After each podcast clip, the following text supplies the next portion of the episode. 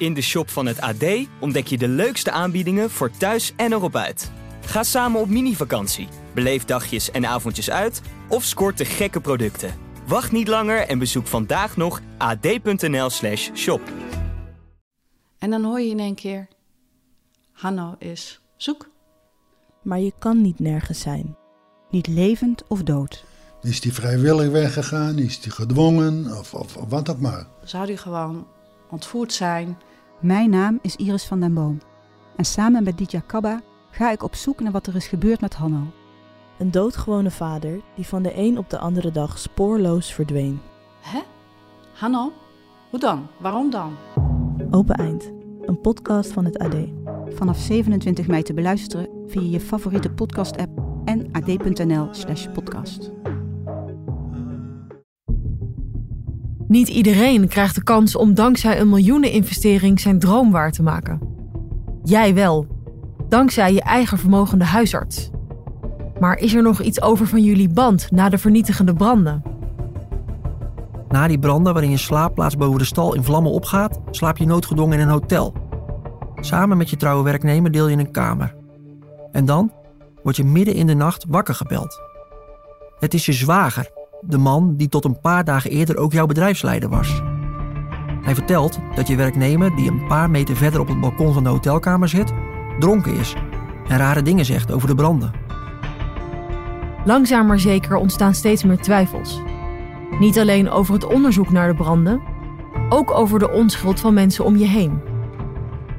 Duidelijk is dat jouw werknemer Marek problemen had en zich steeds vreemder ging gedragen, voordat hij spoorloos verdween richting Polen. In deze aflevering krijgen we een opname in handen die misschien wel alles bepalend is voor de oplossing in de brandenzaak. Wij zijn Marco Gerling en Josselin Gordijn, journalisten bij het AD. Gefascineerd door de gebeurtenissen doken wij in deze zaak. We zoeken antwoord op die ene vraag. Wie stak het vuur aan? Onze zoektocht naar antwoorden resulteert in de podcast die je nu beluistert. Dicht op het vuur. Dit is aflevering 5. Een geheime opname.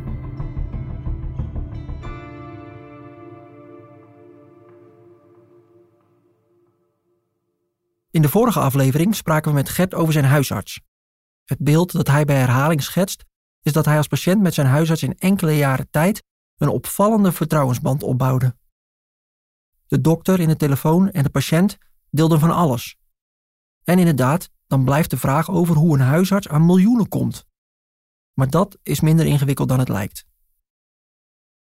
Na enig onderzoek wordt duidelijk dat we hier te maken hebben met een vooraanstaand gezin dat in de quote 500 stond.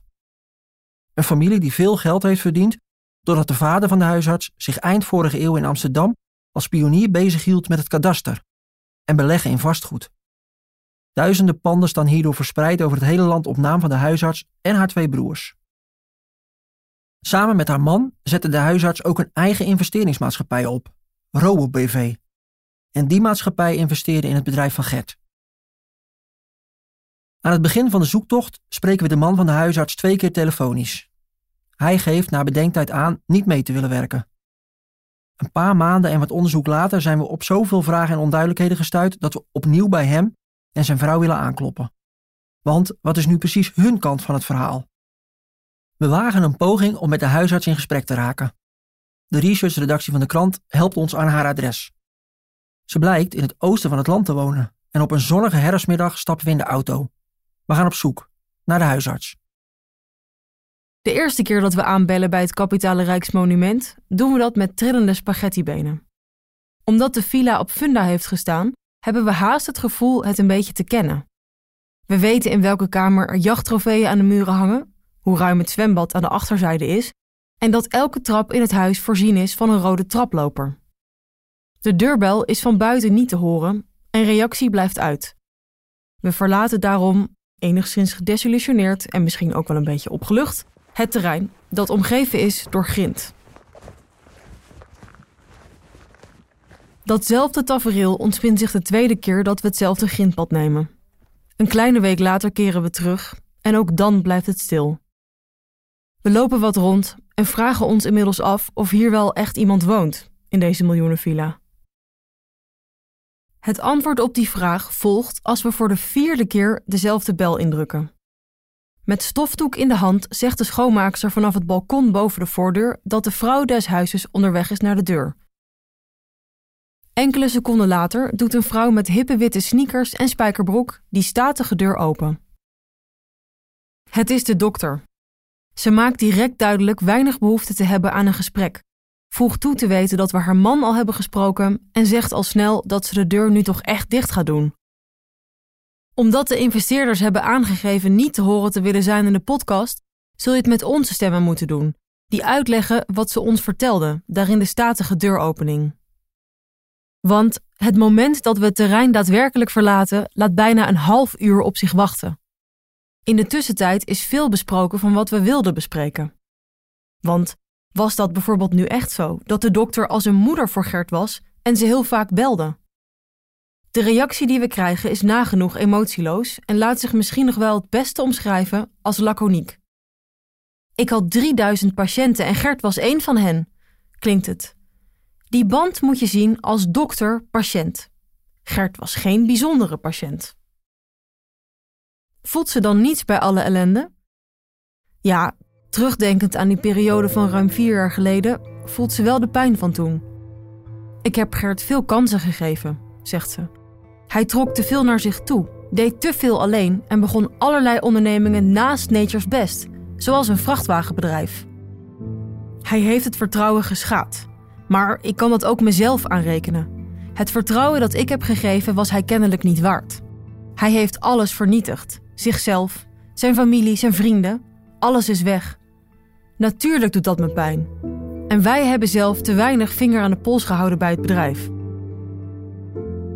Maar boos zijn of blijven hangen in wrok, dat doet ze niet of nauwelijks, naar eigen zeggen.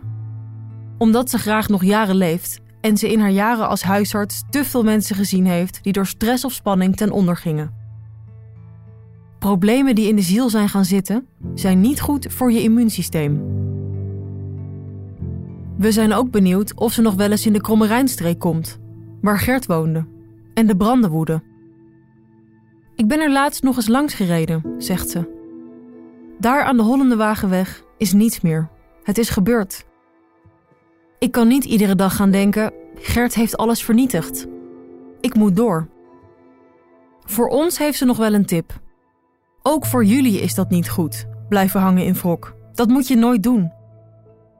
Wat volgt is de opmerking dat het goed is dat we onderzoek doen naar de zaak en dat ze onze fascinatie best wel begrijpt. Ze wenst ons sterkte. Voor mij zal dit boek nooit helemaal dichtgaan, maar je moet wel door. Ik hoop dat er nog een keer gerechtigheid komt. Ik heb een rein geweten, maar er moeten mensen zijn die dat niet hebben. Ik hoop dat die mensen last krijgen van hun geweten. Zelf is ze overtuigd dat Gert de branden aanstak. Of daar in ieder geval veel meer van weet dan hij zegt. En ook Marek weet heel veel, zegt ze stellig. We hebben het altijd raar gevonden dat de politie hem heeft laten gaan. Waarom ze zo overtuigd is van Gerts betrokkenheid? Omdat de politie haar dat verteld heeft. Zij weten wie het gedaan heeft. Ze hebben vanaf het begin Gert aangewezen, maar kregen het bewijs niet rond, zegt ze. Volgens de politie zag Gert het niet meer zitten. Hij moest daar weg en het bedrijf ging niet goed.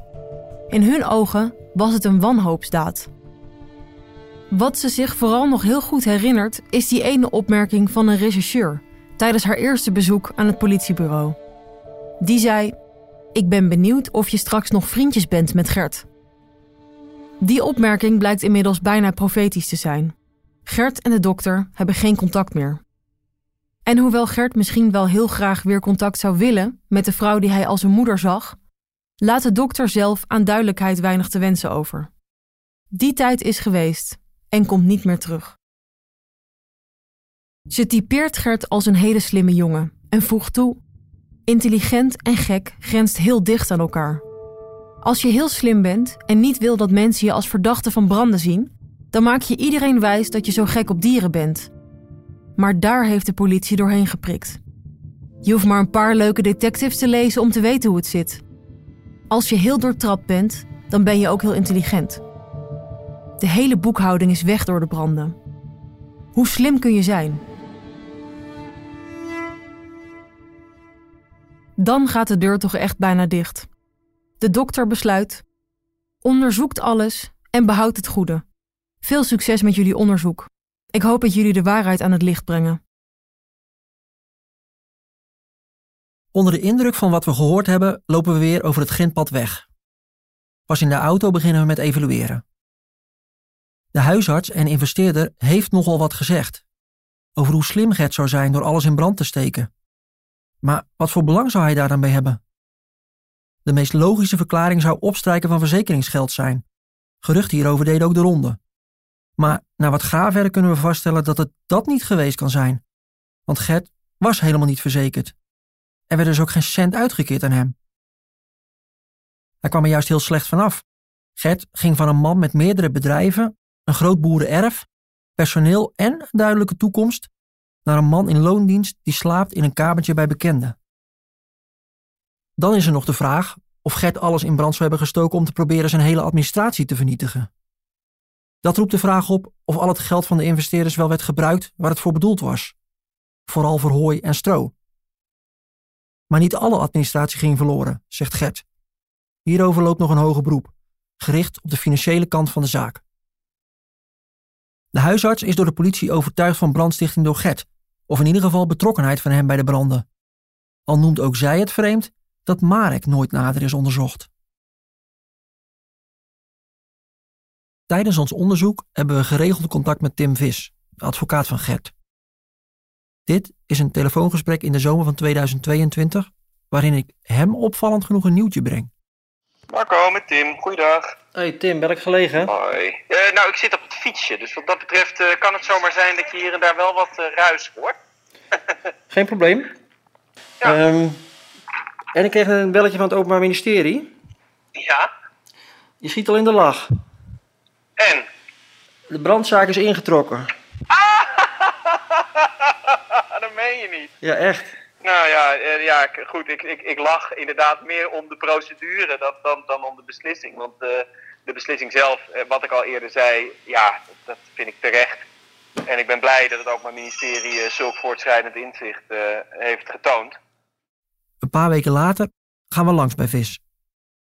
Ik ben natuurlijk wel vanaf een heel vroeg stadium erbij betrokken geweest. Ja. Maar ja, ga je gang. Waar ik antwoord op kan geven, doe ik dat, doe ik dat heel graag. Dat is een mooi Eh, Ja, want hoe ben jij bij deze Nou. zaak betrokken geraakt? Ja, dat, eh, dat is een goede vraag. Ik moest daar toevallig vanochtend ook weer eventjes aan denken. Maar ik ben betrokken geraakt bij de zaak via mijn oude kantoor. Dat was samen met mijn toenmalig kantoorgenoot Smeets. Eh, en we zijn eigenlijk benaderd door Gert met de vraag... joh, zouden jullie mij kunnen helpen om ervoor te zorgen dat de politie het echt serieus oppakt? Nou, dat is een mooi teken aan de wand geweest voor wat er daarna allemaal is gebeurd. Over Tim Vis moet je weten dat hij acht jaar werkte op het kantoor van topadvocaat Gerard Spong, voordat hij een eigen kantoor begon. Hij doet veel strafzaken met maatschappelijke impact, waar de wat hem betreft unieke zaak rond Gert zeker onder valt. Hoe kijkt hij naar het onderzoek? Daarover is hij uitgesproken. Waar ik altijd op ben aangeslagen is dat hè, er is ook in het begin helemaal geen technisch onderzoek naar de branden geweest. Geen forensisch onderzoek naar branden geweest. En ik weet niet waarom dat niet is gebeurd. Ja, in een van de gevallen weet ik omdat de blussporen dat kennelijk onmogelijk hadden gemaakt. Maar ja, het is denk ik in het begin misschien wat te naïef opgepakt. Eh, niet zo grootschalig als het had moeten worden opgepakt. Dit, dit was natuurlijk gewoon een heel impactvolle gebeurtenis. En dat was al vrij duidelijk dat dat zo was. Maar er is denk ik een te beperkt net uitgegooid om informatie in te vangen. Het is niet opgeschaald. Nee, Waarom niet? dat durf ik niet te zeggen. Dat zijn afwegingen die, die zij denk ik intern hebben gemaakt. Eh, maar ik heb daar nooit een genoegzame verantwoording van gezien. Terwijl we wel weten, uiteindelijk ook in de uitspraak van de rechtbank eh, is dat bevestigd geraakt, dat er een te klein vizier is geweest in deze zaak. Verbazingwekkend dat ondanks het feit dat er kennelijk meer branden zijn geweest in de omgeving, zoveel zelfs dat zelfs brandweerlieden daarop zijn aangeslagen en dat hebben gemeld. Van, hè, het is toch wel een beetje mallig dat, eh, dat, dat er meerdere branden zijn. Eh, maar dat er, en, en dat zelfs op enig moment, ja, je kan het je bijna niet voorstellen, maar dat zelfs een rechercheur tegen een ander opmerkt van... oh, is die persoon weer bezig? Vlak nadat Gert vrijkwam in december... toen stonden er camera's op het terrein. Die camera's die waren oorspronkelijk door Gert neergezet. Later werden ze door, door de politie onder andere betaald. Ehm, en die camera's die lieten zien dat auto's in of vlak naast het terrein kwamen te staan. Midden in de nacht. Op rare plekken. Dat er personen op het terrein liepen die daar eigenlijk niet hadden kunnen of mogen zijn. Dus er waren daadwerkelijk aanwijzingen dat derden zich toegang verschaften tot dat terrein waar die branden zijn geweest. Gert meldde dat aan ons en wij hebben dat direct doorgezet naar het onderzoeksteam. Nou, wat denk je dat er gebeurde? Geen reactie. Vervolgens hebben we opgeschaald. Hebben we gevraagd aan de officier van justitie om onderzoek te doen naar wie dat dan waren. Die daar in het holst van de nacht, op die plek waar al die branden zijn geweest, zonder toestemming van Gert of van iemand anders, zich daar ophielden op het terrein. Wat denk je dat de officier van justitie aangaf? Geen reactie. Wij kregen uiteindelijk, weken later, kregen we een reactie. Toen is letterlijk gezegd, wij gaan daar niks aan doen. Bel maar terug als u iemand met een jerrycan over het terrein ziet lopen. Het is toch onvoorstelbaar? En vervolgens wat er gebeurde? Er werd geen onderzoek gedaan. Nee, Gert zijn toegang tot de camerabeelden werd afgekoppeld. Waardoor hij ook niet meer kon zien wanneer en dat zich derde ophielden op dat terrein. Kom maar terug zodra je iemand met een jerrycan over het terrein ziet lopen. Een advocaat blijkt natuurlijk voor zijn cliënt. Maar wat hij vertelt is wel heel bijzonder. Is diegene weer bezig, zegt een regisseur, na weer een brand, volgens Tim. De regisseur heeft het daarbij over de brandweerman. En ook de auto's rond het terrein en mensen die ongenodigd op het erf kwamen, zijn een verwijzing naar onder andere diezelfde brandweerman en mensen uit zijn omgeving. Dat horen we ook al van oud-regisseur Royakker. Opnieuw verwijzingen in de richting van de brandweerman dus. Maar we stellen Tim toch ook de vraag wat hij denkt van de betrokkenheid van zijn eigen cliënt. Dat is aan een advocaat altijd heel lastig om te vragen. Waar ik van overtuigd ben is dat het bewijs er absoluut niet in zit en dat het onderzoek onvoldoende is geweest om te achterhalen wie echt verantwoordelijk is geweest voor die branden. Dat Gert het buiten redelijke twijfel is geweest, absoluut niet. En dat heeft de rechtbank ook met nou ja, heel vette bewoordingen onderstreept. Um, Hoe bijzonder is deze zaak voor jouzelf? Ja, die is uh, wel bijzonder, ja. Ik, uh, ik kan met een gerust hart zeggen, ik heb heel veel bijzondere zaken, maar dit is er eentje die, die je altijd wel zal bijblijven. Vooral ook vanwege de, de, de, impact die die zaak heeft gehad, de impact die die zaak op, zaak op Gert heeft gehad, de betrokkenheid van, van mij en in een eerder stadium ook Confrère Smeets bij de zaak en bij Gert. En unieke geval dat hij twee keer aangehouden is geweest eh, met heel verstrekkende gevolgen. Eh, en natuurlijk eh, de sluimerende ja, onzekerheid over of het onderzoek volledig is geweest. Ik, ik, ik vind dat toch altijd heel lastig te verkroppen dat wij nu gelukkig weten dat er tegen, tegen Gert onvoldoende bewijs is en dat hij dus ondubbelzinnig onherroepelijk is vrijgesproken. Maar het blijft ergens iets heel onbevredigends dat we nu zwart op wit hebben staan dat het onderzoek eenzijdig is geweest. En, en het is te meer frustrerend omdat we vanaf het begin hebben getracht aandacht te vragen voor die alternatieve scenario's. En, en dat is niet gebeurd. En dat heeft de rechtbank uiteindelijk tot die unieke uh, nou ja, terechtwijzing gebracht. Dat zij de indruk heeft dat het onderzoek zich toch vooral op Gert heeft gefocust. En niet of nauwelijks op de mogelijke betrokkenheid van derden. De vraag rest wat op dit moment nog gedaan kan worden in de zaak. Het is bijna vijf jaar na de eerste brand en de rechtszaak rond de branden is afgerond. Wat kun je op zo'n moment nog? Dus ja, ik kan mij voorstellen dat het heel lastig is om nu nog onderzoek te doen naar een brand in juli 2018, of november 2018, of juni 2019. Maar onmogelijk is niks. Ik bedoel, uh, desnoods zet er een cold case team op. We weten nu intussen dat degene die is vervolgd door de rechtbank onherroepelijk niet schuldig is bevonden. Ja, gelet op de impact die deze zaak heeft gehad, zou het eigenlijk wel te rechtvaardigen zijn dat er alsnog serieus onderzoek plaats heeft. Waar heb je het dan over? Nou, daar, ik heb het over bijvoorbeeld hè, dat patroon van bre breder patroon van branden. Ik heb het bijvoorbeeld over aanwijzingen als het gaat om uh, eerdere branden van loopsporen van derden die in weilanden zijn ontdekt. Uh, ik heb het over aanwijzingen die later zijn gebleken waaruit volgt dat dat mogelijk nou ja, betrokkenen, zeg ik maar even voorzichtig, meer weten van de achtergrond van deze branden. Er zijn opnames, dat zullen jullie ongetwijfeld ook hebben achterhaald, waarin iemand nadrukkelijk de indruk wekt zeker meer te weten van de achtergrond van deze branden. Vis wijst op Gerts voormalig trouwe werknemer, Marek. Niet voor het eerst klinkt zijn naam. In de vorige aflevering hoorde je hoe we langs gingen bij zijn moeder, die geen contact meer heeft met haar zoon en denkt dat hij in Polen zit. Maar er is meer. We azen al een tijdje op een gesprek dat in het geheim werd opgenomen in een hotel in de nacht na de vierde brand. We weten van het bestaan van dit gesprek doordat het tijdens de rechtszaken ter sprake kwam.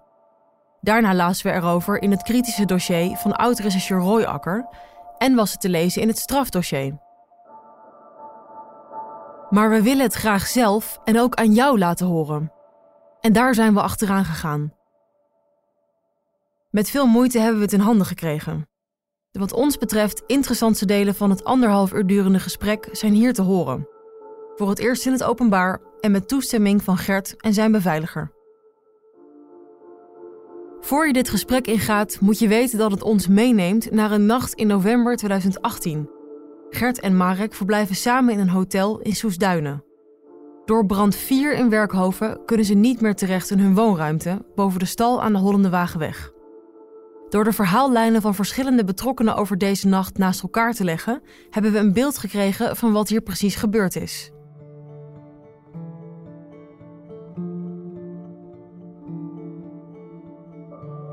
Het is twee uur s'nachts. Gert ligt in de kamer te slapen, Marek is wakker en zit op het balkon. Dan wordt Gert plots wakker gebeld door zijn ex-zwager, die ook bedrijfsleider was bij Nature's Best. Marek heeft hem zojuist gebeld en aan hem verteld dat Gert zou hebben opgebiecht dat hij de branden aanstak.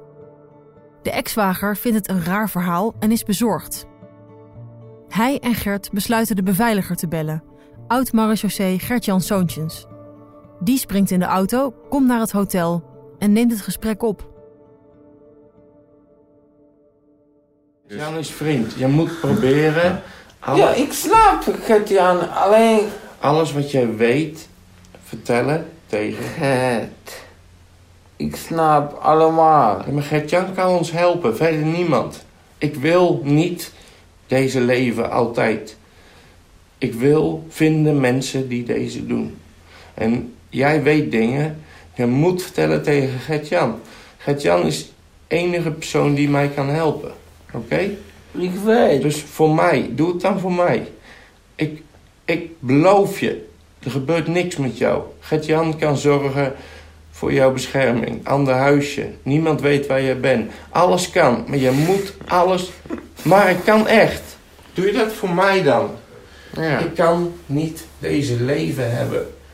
Ik heb... En jij ook dood. niet, Mark. Ja. Ik heb hond dood. Ik, ik kan het gewoon niet meer. Patricia en de kinderen zijn zo bang. En jij weet iets. Dan moet je het zeggen. Hoef het niet tegen de politie te zeggen. Het. Eh, Zeg het dan tegen Gert-Jan, alsjeblieft. Kurwa, het. Nee, gewoon proberen. Is niet erg als je het niet weet. Gewoon proberen. Eh, Als wij hebben kleine start, kan starten. Nu niks. Nu mensen zeggen, jij maakt een brand. Of ik maak een brand. Dus als jij iets weet, al is maar hele kleine informatie. Kijk, voor Gert-Jan is het belangrijk wie deze willen. Voor mij is het belangrijk wat deze mensen willen. Ik wil die mensen Ja, dat... Mark, Zo. doe het voor Mark, Patricia. ik, ik wil iedereen helpen. Ook jij. Jij bent hier nu ook heel erg bij Patricia betrokken. moet, moet met kinderen veilig zijn. En jij zei dat je van Patricia hield. Jij zei, Het, kurwa, ik wil het, Patricia. hou je van... Normale leven, Dan belangrijk en Luister, dan, iedereen. dan moet je met Gert-Jan praten. Gert-Jan heeft heel veel ervaring met mensen helpen. Dus niet met politie, gewoon zelf. Alleen Gert, ik kan niet kurwa met deze helpen. Ik kan zeggen, deze mensen zo kan gebeuren, deze mensen kan deze doen. Oké, maar Mark, maar weet jij, weet jij wel wie de opdracht geeft dan aan die mensen om dit te doen? In anderhalf uur tijd zegt een dronken Marek veel. Heel veel. Gert smeekt Marek aan Gert-Jan te vertellen wat hij allemaal weet over de branden. En dat gaat Marek ons vertellen. Deze mensen kurwa is echt sorry. Alleen deze mensen is maffia. Dit is maffia. Maar wie zijn die mensen al- dan? Allemaal, allemaal eh, Duitsland of Polen of Nederland. Mensen zeggen tegen mij, niet naar politie en niet naar... Ja, maar ik ben geen eh, politie. Is geen politie. Hij, hij, hij is gewoon particulier, privé mensen. Ma maakt niet uit. Mark, laten we even heel, heel helder en duidelijk zijn. Deze mensen allemaal weten. Dit is, dit is niet kleine groep, dit is, is Nou, dat- grote groep. Mark, Mark, ik wil twee dingen van je weten. Zijn die mensen op Gert aan het jagen? Moet Gert dood of wat is de reden? Moet jij dood? Men, mensen zeggen die niet heel dood, alleen hele, hele bedrijf plat Maar waarom? Dat is mijn ik Waarom? Waarom? Dat weet jij dan toch ook? Ja. Maar dat moet je zeggen, Mark. Dat kun je niet voor je houden. Wat heb ik Want jij, gedaan? jij maakt nu iedereen... Jij weet iets. Jij kan dit voor iedereen nu duidelijk maken wat er aan de hand is. Geeft Gert ook rust, ook al is nu alles al En kwijt. mensen zeggen, en mensen zeggen kan eh het eh half prijs allemaal kopen. Ik kan niks half prijs. Alles is weg. Ja. Goed. Een grote groep maffia dus, uit het buitenland. Een groep die het voorzien heeft op het bedrijf van Gert.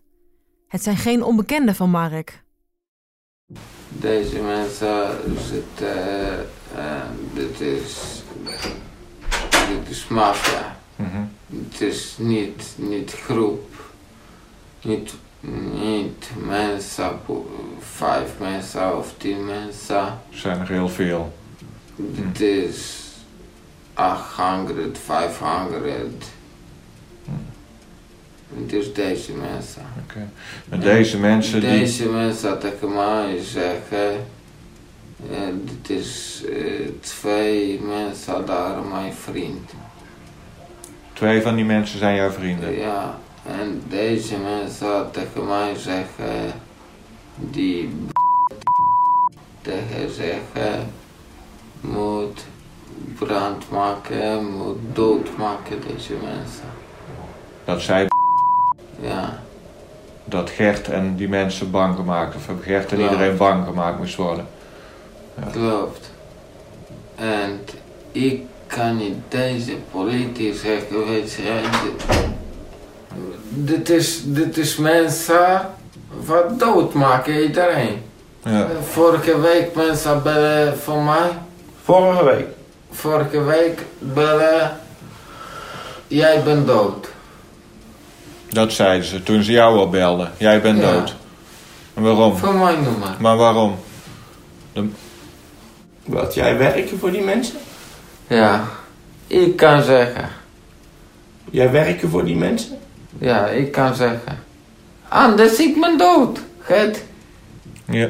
Anders ik ben dood. Oké. maar- Jij deze, jij deze niet snappen. Jawel, ik probeer, Eh, ik probeer het snappen. Snap, Luister- snap je? Ja, Gert-Jan Begrijp snapt het, het. begrijp Snap je? Ja, luister eens. Ik gezegd deze mensen of één contact geven, Ja. ik ben dood. Twee keer vraagt Gert of Marek werkt voor deze mensen. Twee keer zegt Marek ja. Op de plek waar je piepjes hoorde, zijn Marek twee namen. Namen die we niet kunnen noemen omdat deze mensen uitdrukkelijk hebben aangegeven niet met ons te willen praten. Namen van de enige twee mensen die heel snel het telefoongesprek wegdrukten toen wij ze belden en uitlegden wat we aan het doen waren. De ene naam die Marek noemde is die van de brandweerman, de vorige eigenaar van Gerts woning in het Gooi. De andere naam is die van de eigenaar van de woning waar de eerste brand op een terrein van Gert was. Dat was in Koten, in juni 2018. Kortom, allebei mannen die Gert kenden en die zaken met hem deden. De grote vraag bij het verhaal van Marek is in hoeverre zijn uitlatingen betrouwbaar zijn, gelet op zijn beschonken toestand. Politie en OM zetten zijn complete relaas van anderhalf uur weg als dronkenmanspraat. Maar hij zegt hier nogal wat. Dat maffia achter de branden zat. Dat de brandweerman daar wat mee te maken zou hebben. Dat het de bedoeling was om het bedrijf van Gert te gronden te richten. En dat hij zelf voor die maffia werkte en vrienden had binnen die groep.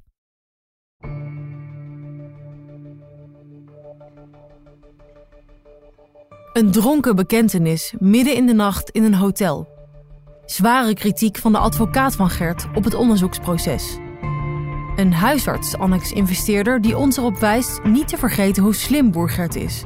En dat slimheid aan gekte kan grenzen. Wij hebben gezegd in deze podcast te gaan voor waarheidsvinding. Dus voor we conclusies gaan trekken, doen we een ultieme poging om Marek te vinden en te spreken. We gaan naar Polen.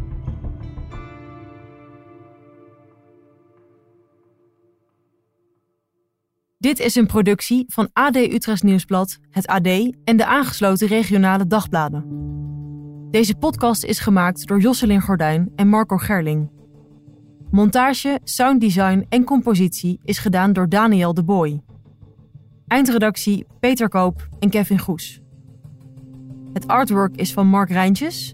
Content management werd gedaan door Kelly de Jong en projectmanagement door Claudia van der Erven. Wil je meer podcasts van het AD horen? Ga dan naar ad.nl/slash podcast. Ken je Richard de Mos?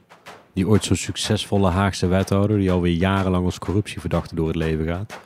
Binnenkort begint de rechtszaak. De media spreekt over de grootste corruptiezaak die Nederland ooit gekend heeft. In de podcastserie OO de Mos onderzoek ik, Niels Klaassen, de methode de Mos. Dan haalt hij het op en dan zeggen ze cliëntisme. Ja, wat moet hij dan? Wat moet hij dan? Ik sprak aanhangers, critici, de Mos zelf en probeer antwoord te geven op de vraag welke belangen hij nu werkelijk dient. Netwerkcorruptie. Daar geloof ik niet in naïviteit eerlijk gezegd. Die van zijn 30.000 kiezers of toch vooral die van een handvol rijke ondernemers die de partijkas spekken. Beluister vanaf nu OO de Mos via ad.nl slash podcasts of in je favoriete podcast app.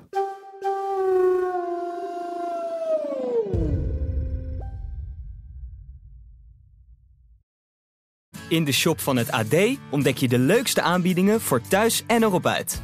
Ga samen op mini-vakantie, beleef dagjes en avondjes uit of scoort de gekke producten.